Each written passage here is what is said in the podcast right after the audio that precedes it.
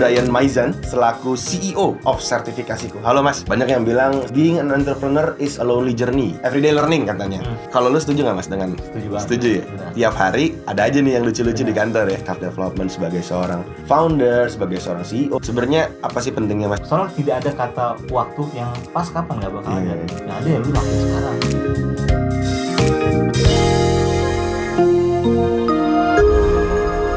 Welcome back to Mobis, ngobrol bisnis by teman sarap. Di edisi kali ini agak berbeda ya. Kita sudah kehadiran Mas Muhammad Brian Maizan selaku CEO of Sertifikasiku. Halo Mas, ini gue boleh manggilnya siapa nih Mas nih? Boleh panggil Brian. Brian ya, Ya. Mas Brian. Mas boleh cerita kan nih Mas? Kenalkan diri dulu, mungkin teman-teman ada yang belum kenal. Nama gue Brian, Mhm. gue CEO dan co-founder dari sertifikasiku.com. Mas, tapi Ya. eh, lo selaku co-founder dan CEO berarti ya Benar. dari sertifikasiku. Sebagai seorang co-founder dan sebagai seorang founder, entrepreneur, banyak yang bilang being an entrepreneur is a lonely journey, everyday learning katanya. Hmm. Kalau lo setuju nggak Mas dengan Setuju banget. Setuju ya? Benar. Tiap hari ada aja nih yang lucu-lucu di kantor ya. Apalagi tambah PPKM kan. Nah, itu udah kayak remedial tuh kalau sekolah tuh tiba-tiba hancur dah semua. Benar. Jadi setiap hari memang suatu hal yang baru. Dan hari ini kita mau ngomongin tentang thriving your business through self development. Ya. Pentingnya self development untuk teman-teman founders atau entrepreneur yang mungkin bisa kita ulik nih, founder atau entrepreneur atau bahkan mungkin bekerja di Ya. tempat lain self development itu penting sekali ya Mas ya. Sangat sangat penting sekali. Nah, Mas, boleh nggak Ya. perkenalkan sertifikasinya sendiri itu apa sih, Mas? Oke, jadi sertifikasiku.com itu merupakan platform education technology. Kita mempersiapkan ke seperti yang bilang tuh Mhm. self development. Mhm. Memang kita fokusnya adalah ke kompetensi. Kompetensi kan bisa berupa banyak tuh. Ya, ya. Ya, apalagi kalau kita juga mempersiapkan untuk uh, teman-teman yang ingin melakukan uji kompetensi. Oke. Nah, jadi ya kalau teman-teman tahu ada sertifikasi dan sertifikat kan Mhm. berbeda tentunya. Ya, ya, ya. Nah, sertifikasi ada ujiannya nih Oke. dari lembaga. Mhm. Nah, makanya kita fokus ke sana untuk mempersiapkan teman-teman yang ingin tersertifikasi ke ujian di LSP ataupun lembaga sertifikasi profesi Oke. yang standar BNSP Badan Nasional Sertifikasi Profesi. Oke. Nah, itu yang dapat sertifikat Garuda tuh. Tapi kan gua, gua agak awam nih, Mas. Bingung nih dengan istilah-istilah tadi. Hmm. Contoh-contoh sertifikasinya tuh apa sih, Mas? Contohnya kalau teman-teman buka di sertifikasiku.com, situ kita ada beberapa pelatihan ya. Itu adalah sertifikasi digital marketing. Oke. Jadi sampai preparation dan sampai uji kompetensinya kita Oke, ada. oke. Terus kita juga ada manajemen resiko, ada analis efek. Oke. Ya, karena lagi hype nih pasar Mhm. modal nih. Iya, iya, kita iya. juga ada untuk yang sertifikasi analis efek. Berarti lumayan wide ya, Mas ya kalau untuk ngomongin kompetensi yang ada. ya? Lumayan lumayan. Karena kan kalau kita balik lagi kompetensi ataupun yang standar yang diujikan itu ada unit kompetensi. Unit Mhm. kompetensi itu refernya kepada SKKNI, Mhm. Standar Kompetensi Kerja Nasional Indonesia. Oke, berarti dari negara ya? Benar, dari benar. negara. Jadi Nah. anggapannya ketika kita ngambil kelas ini ini bukan sertifikat-sertifikat ngasal yang ya udah yang ngasih tanda tangan yang penting dapat sertifikat Iya, gitu. Benar-benar ada standar karena standar. karena untuk Benar. dapetin itu nggak cuma ngikut kelas ya, tapi harus tadi ya Harus ujinya uji tadi ya. kompetensi ya. Dan itu semua bisa dilakukan di satu website tadi, Ah, sertifikasiku. bukan kalau kita hanya Oh, kita- oh, sorry, sorry. lembaga pelatihan. lembaga pelatihan Dari untuk provider. mempersiapkan ke sononya. Mempersiapkan ke Oke oke. Nah, dan dengar-dengar kan ini lagi ada event yang akan Ya. diadakan ya sama Benar. sertifikasiku dan boleh nggak sih jelasin eventnya terus kira-kira rangkaiannya itu seperti apa sih? Kita ada namanya Festival Sertifikasiku. Mhm. Jadi di penutup tahun 2021 kita akan mengadakan webinar. Webinar Hmm. itu kita 24 lebih pemateri akan menjelaskan tentang strategi-strategi, ide bisnis dan segala macamnya tentang enam sektor. Ada Enam sektor. fashion, digital kreatif, bisnis dan keuangan, otomotif, F&B dan satu lagi ada pendidikan. Dan pre-event itu kita akan membahas dari beberapa pemateri tersebut akan mengajarkan tuh di pre-event. Jadi ibarat kata teasernya ya. Teaser Dia akan mengajarkan di beberapa event dan gongnya nanti pas di di main eventnya ya, nanti main ya. eventnya nanti. Mas, awalnya lu gimana sih mas? Maksudnya sertifikasiku tuh berdiri, Ya. latar belakang lu sendiri apa? Apakah memang lu seorang akademisi atau atau misalnya memang apa sih tujuan lu untuk sertifikasi dan problem apa yang mau di solve sih? Oke, kalau kita memang lebih ke arah sertifikasi itu kan angkanya masih kecil ya. Kalau kita refer kepada target pemerintah kan di tahun 2030 kita ada bonus demografi, mana targetnya sekitar dua setengah juta Hmm. angka terkompetensi. Sedangkan di tahun 2020 kemarin sesuai data hanya baru 400 ribu lebih. Jadi kan PR kita besar banget ya. Dan ini bukan hanya PR pemerintah menurut kita. Jadi PR kita banyak sekali terutama di stakeholdernya. Nah, oleh karena itu yang kita lihat pelatihan kompetensi ataupun sertifikasi masih terbanyak konvensional. Kan kita Iya, iya. berdiri sebelum pandemi 2019. Jadi mereka pelatihannya lebih ke arah offline, offline, offline dan kita melihat oh kok belum ada yang mengadakan online ya. Mhm. Kira kita create BMC dan lain-lain, kita adjust dan kita launching dan ternyata sambutannya juga lumayan. Berarti sudah dipersiapkan dari sebelum pandemi ya mas? Sebelum benar. Dan Hmm. terakhir 2020 Pas bener ya.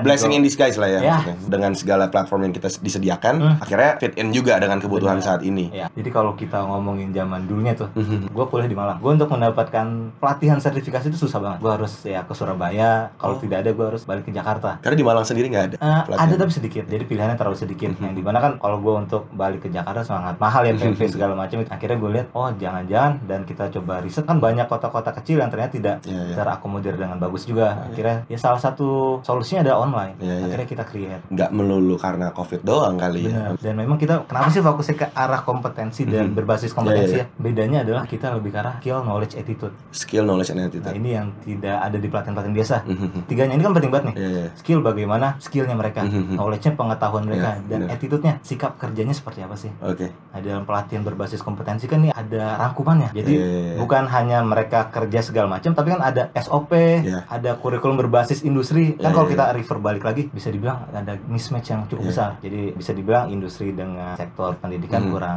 sama. Sekarang dengan ada ini sudah cukup menutup gap itu sih. Walaupun kita masih mengakuin sangat besar ya. ya bisa dibilang mismatch yang Hmm. vertikal ataupun horizontal. Bilang vertikal itu lebih ke arah teman-teman kerjanya misalnya pendidikan S1 tapi kerjanya di ya maksudnya requirement SMA juga masuk. Mhm. Itu kan bisa dibilang over over education ya. Nah, kalau kalau kita bilang horizontal, mereka let's say kerjanya di pendidikan, Mhm. tapi kerjanya di perbankan. Nah, itu kan oh iya iya iya mismatch kan. tapi balik tapi ya sebenarnya nggak ada yang salah ya mas ya nggak ada yang salah salah. cuman itu ada ada mismatch aja Ya, kali ya yang data mungkin mismatch. salah satunya dengan sertifikasi ini dengan segala aktivitas yang ada Ya. itu bisa menyelesaikan masalah tersebut Ya. karena nggak bisa dari pemerintah doang kan Bener, harus stakeholdernya karena tadi kalau Mas Brian sempat menyinggung tentang attitude karena nih yang kita tahu juga kita tidak bisa pungkirin ya Mas maksudnya Ya. tenaga kerja kita dari segi attitude masih banyak yang memang tenaga kerja yang tidak terdukung dengan itu gitu. Ya. mungkin ini connect sama tadi pas gue Ya. ngomong ini dulu gue pernah buka warung makan Mas. terus? Paling gampang ya cari helper doang gitu loh. Maksudnya yang masak juga udah disiapin kok Hmm. tinggal. Bukan chef ya. Terus kita buka tuh paling gampang di Facebook. Kan grup-grup Facebook tuh banyak tuh locker. Itu baru ngupload Mas. Hmm. 10 menit ada kali yang ngechat tuh 30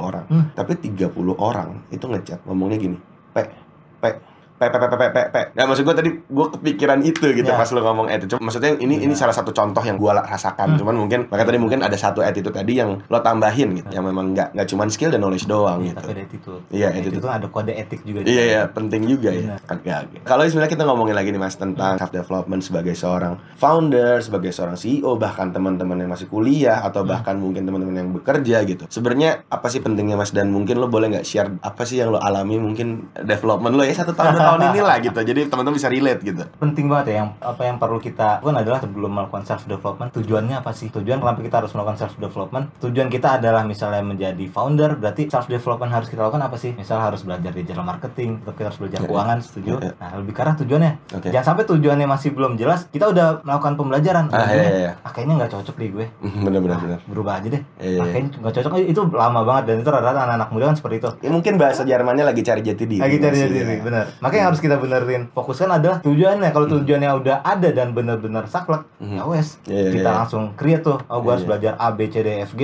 Cuma cuman itu terjadi juga loh Mas. Bahkan teman-teman yang sudah mulai bisnis gitu. Lu tujuannya apa nih? ya lu juga gak diri lu juga nggak tahu nah Benar. yang kita alamin mungkin dari kita ya kita Hmm. ngeliat kok gue pengen mulai bisnis nih tapi tiba-tiba gue juga nggak tahu mau belajar apa gitu tiba-tiba nanti belajarnya langsung digital marketing e-commerce gitu Iya. padahal kan banyak hal-hal yang lu harus pahamin tujuan lu apa dulu gitu tapi apa sih yang bisa lu berikan saran kayak kalau buat temen-temen yang memang dia juga memang nggak tahu mas mau gimana gitu kalau nggak tahu sih menurut gue pribadi sih banyak loh tapi mas Iya banyak banyak banyak, banyak banget. Iya. Tentunya kan kalau self development itu kita harus ada hard skill sama soft. Nah kalau kita belum tahu hard skill, mungkin menurut gue better kita soft soft skillnya dulu. soft skill dulu ya Contoh kan ya. leadership. Mhm. Itu lama lo belajarnya, itu sangat sangat lama. Iya, iya. Komunikasi juga sangat lama. Iya, iya, iya, iya. Bagaimana kita dealing Mhm. dengan orang tuh lama. atau public speaking misalnya gitu-gitu dulu ya Iya. karena itu akan berguna untuk apa pun yang lo ambil apa pun, gitu ya apa pun. Iya, Benar. iya, iya. Dibandingin hard skill, tapi Mhm. lo masih bimbang, menurut gue soft skill dulu harus. Iya kan? iya iya iya. Nah. Bener-bener. Tapi ada ada tips gak kalau misalnya lo bilang tadi gitu mas untuk nyari tahu apa yang lo pengen tuh? Yang apa yang lo pengen, Hmm.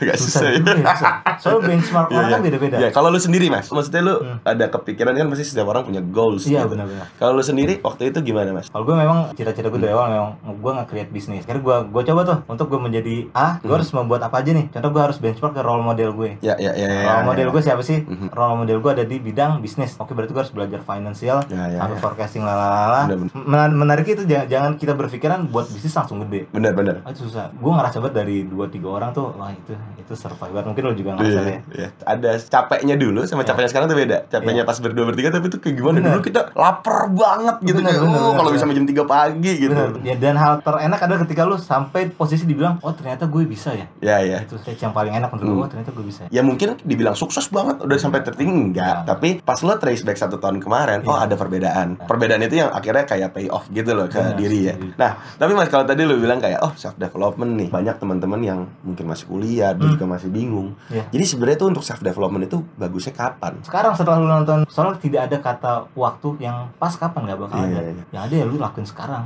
Di posisi apa pun, Di lu ya posisi lu udah mau jadi bos pun ya belajar juga Iya, ya nggak masalah ya. Bener. Bahkan ketika lu semester 1 2, Mhm. menurut gue better ya lu harus belajar. Ya, ya gue pun masih ngerasa anjir seharusnya gue kuliah gini. gini, Iya gini." iya iya iya. Mungkin sama. kita semua merasa ya. ah, Soalnya soalnya pas kuliah gue juga sekarang mikirnya gini mas, duh dulu gue kenapa nggak ikut organisasi ya? Iya. Padahal kalau gue ikut organisasi nih kakak kelas kakak kelas gue sekarang udah jadi orang nih. ya. Segampang itu lo gue kontak kalau gue pernah satu panitia. Halo kak, apa kabar? Gue dulu ini nih. Kalau sekarang lo nggak kenal, lo harus chat di LinkedIn, lo harus. Itu yang gue rasakan sih sekarang kayak kenapa dulu nggak gue lebih aktif ya? Bahkan Iya. gue baru lulus, gue baru balik ke kampus buat konsultasi kan. Untung masih diterima. Menurut gue tidak ada yang salah. Ketika Iya, lu iya. tadi bilang seharusnya gue ikut organisasi lah. Iya iya iya. Tapi kalau lu tanya anak organisasi, mungkin ada yang bilang seharusnya gue nggak ikut organisasi ya. Iya, iya. Sampai sekarang gue masih nganggur. Seharusnya gue Iya iya. iya. belajar A B C D F G. Eh, Nah, bener, jadi ya, bener, bener, bener. ya kita di dalam perspektif kita masing-masing. Benar. Kan development nggak nggak melulu harus kayak di kelas gitu ya. Benar. Di semua hal yang aspek yang dijalanin memang ada ada pembelajaran sih kalau menurut gue mas. Setuju. Kan strategi loh lu. Iya iya. iya. Lu nyari satu juta di organisasi susah loh. Iya. Susah. Benar benar. Kampus nggak dapet lo harus mikir Iya, kan. benar, benar. Iya. Menurut lo sendiri nih, lo kan sebagai seorang CEO dan co-founder, menurut lo self development atau soft skill apa sih sebenarnya yang paling penting dalam menjalankan suatu bisnis? Menurut gue leadership sih. Leadership. ya? Leadership dan komunikasi. Ketika Mhm. lu tidak punya itu, lu nggak bakal bisa ngegerakin kereta lu. Iya iya iya. Itu gerbong lu akan oke kalau lu bilang, "Ah, gue cuma satu gerbong, gue nggak perlu lah." Lu ngomong sekarang lu dua bulan tiga bulan lagi, lu pasti butuh banyak. Iya iya. Ya. Dan lu bakal ada dilema anjir ternyata gue leadership gue masih kurang ya komunikasi gue. Hmm. Dan lu nggak mungkin bisa bawa tiga gerbong kalau satu gerbong aja lu belum bisa bawa gitu. Jadi emang harus pelan-pelan itu Harus tadi pelan-pelan. mas. ya. Selain leadership apa sih mas? Negotiation sih. Negotiation Iya. ya. Itu ilmu yang sangat susah loh negosiasi. Karena itu bukan tentang eksternal tapi internal pun lu negosiasi. Iya iya iya iya benar Karena antar tim itu kan ya lu paham lu pasti ada. Apalagi kalau misalnya eh, budaya kantor lo yang gak rigid gitu ya, Ya. maksudnya masih ya santai-santai. Itu sih yang memang gue alamin juga sih mas. Ya, walaupun semuanya fleksibel ya. Benar benar. Tapi kan matrix harus tetap kena. Karena kan duit gak fleksibel. Bener.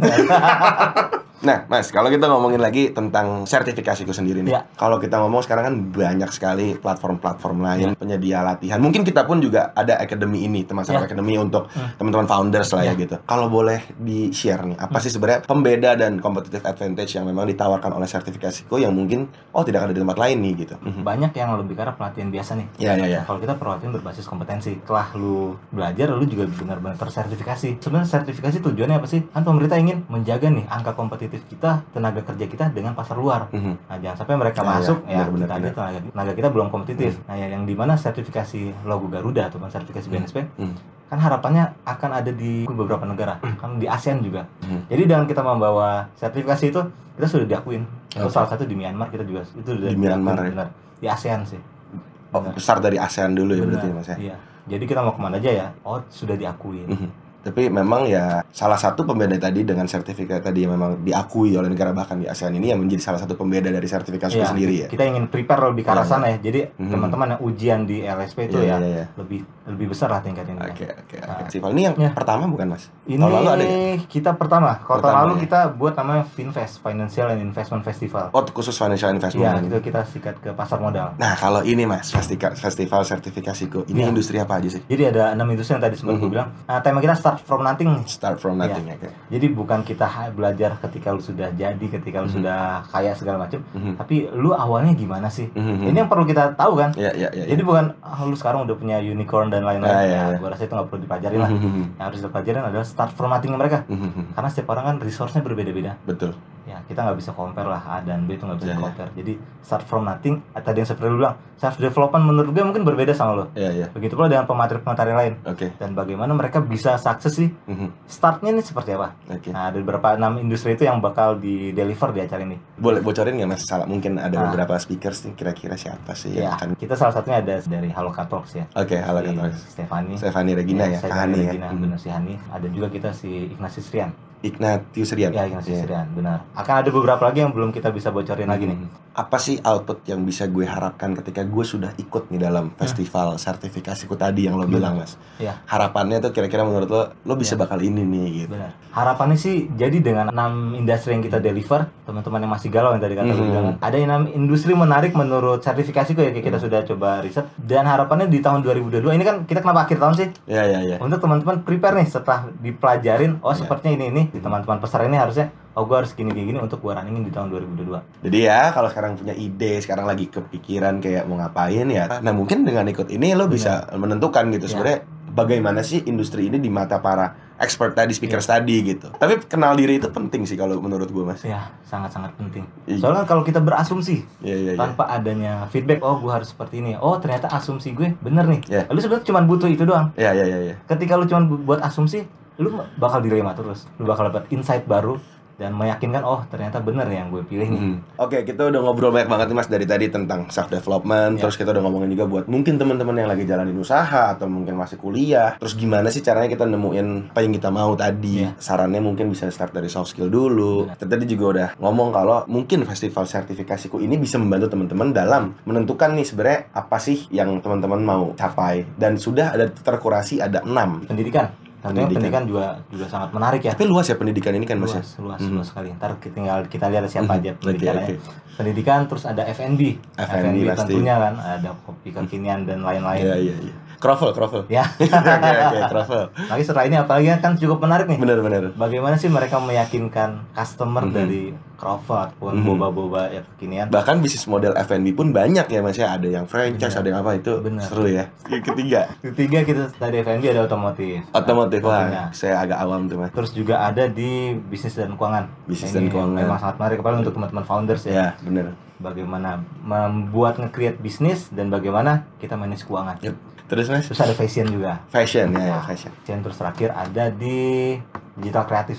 digital kreatif nah digital kreatif nih boleh dijelasin nggak nih teman-teman banyak Ah. juga yang mungkin interestnya ke arah sono nih mas Ya, digital kreatif salah satunya kita dari ya, dari Kui Entertainment kita juga. Oh, oke Karena kalau bisa dibilang kerja kan bukan hanya pakai dasi ya, iya iya iya bukan hanya di gedung. Hmm. Tetapi yang menarik ya baga- bagaimana digital kreatif tuh mendominasi. iya iya iya Nah, kalau kita ngomongin ya TikTok segala macam, Pokoknya digital kreatif itu adalah ketika teman-teman kerja di bidang itu, Benar. itulah saat ketika teman-teman ditanya keluarga dan orang tua kerja apa nggak bisa jelasin. ya itu baru udah sah jadi digital kreatif. Tapi itu seru sih mas, maksudnya itu suatu hal yang kerja bukan kayak lu harus ke kantor pakai dasi, Ya. meeting lu di rumah dengan satu kamera aja sama edit tuh udah jadi kerjaan Bener. gitu. konten kreator gitu. Content juga ya. creator ya. KOL. Tapi, Wah, tapi itu gila. enak, kerja kayak itu kayaknya enak ya mas Kayaknya daripada- enak daripada jadi kita ya. Ya apa kita berubah?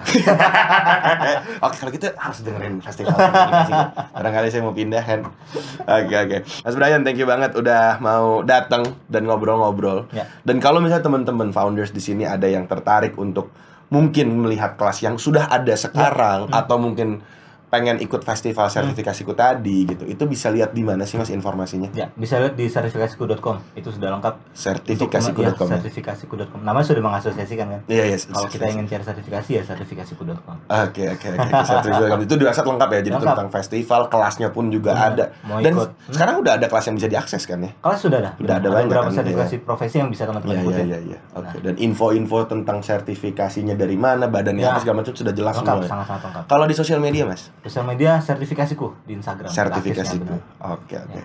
Mas Brian, thank you banget udah sharing. Siap. Good luck untuk festivalnya, untuk sertifikasiku. Salam untuk seluruh tim. Eh, sukses ke depannya Ya. dan stay safe, Mas. Thank you, Han. Thank you, thank you, thank you. Oke, teman-teman, eh, kita ketemu lagi mungkin di episode selanjutnya. Bye bye.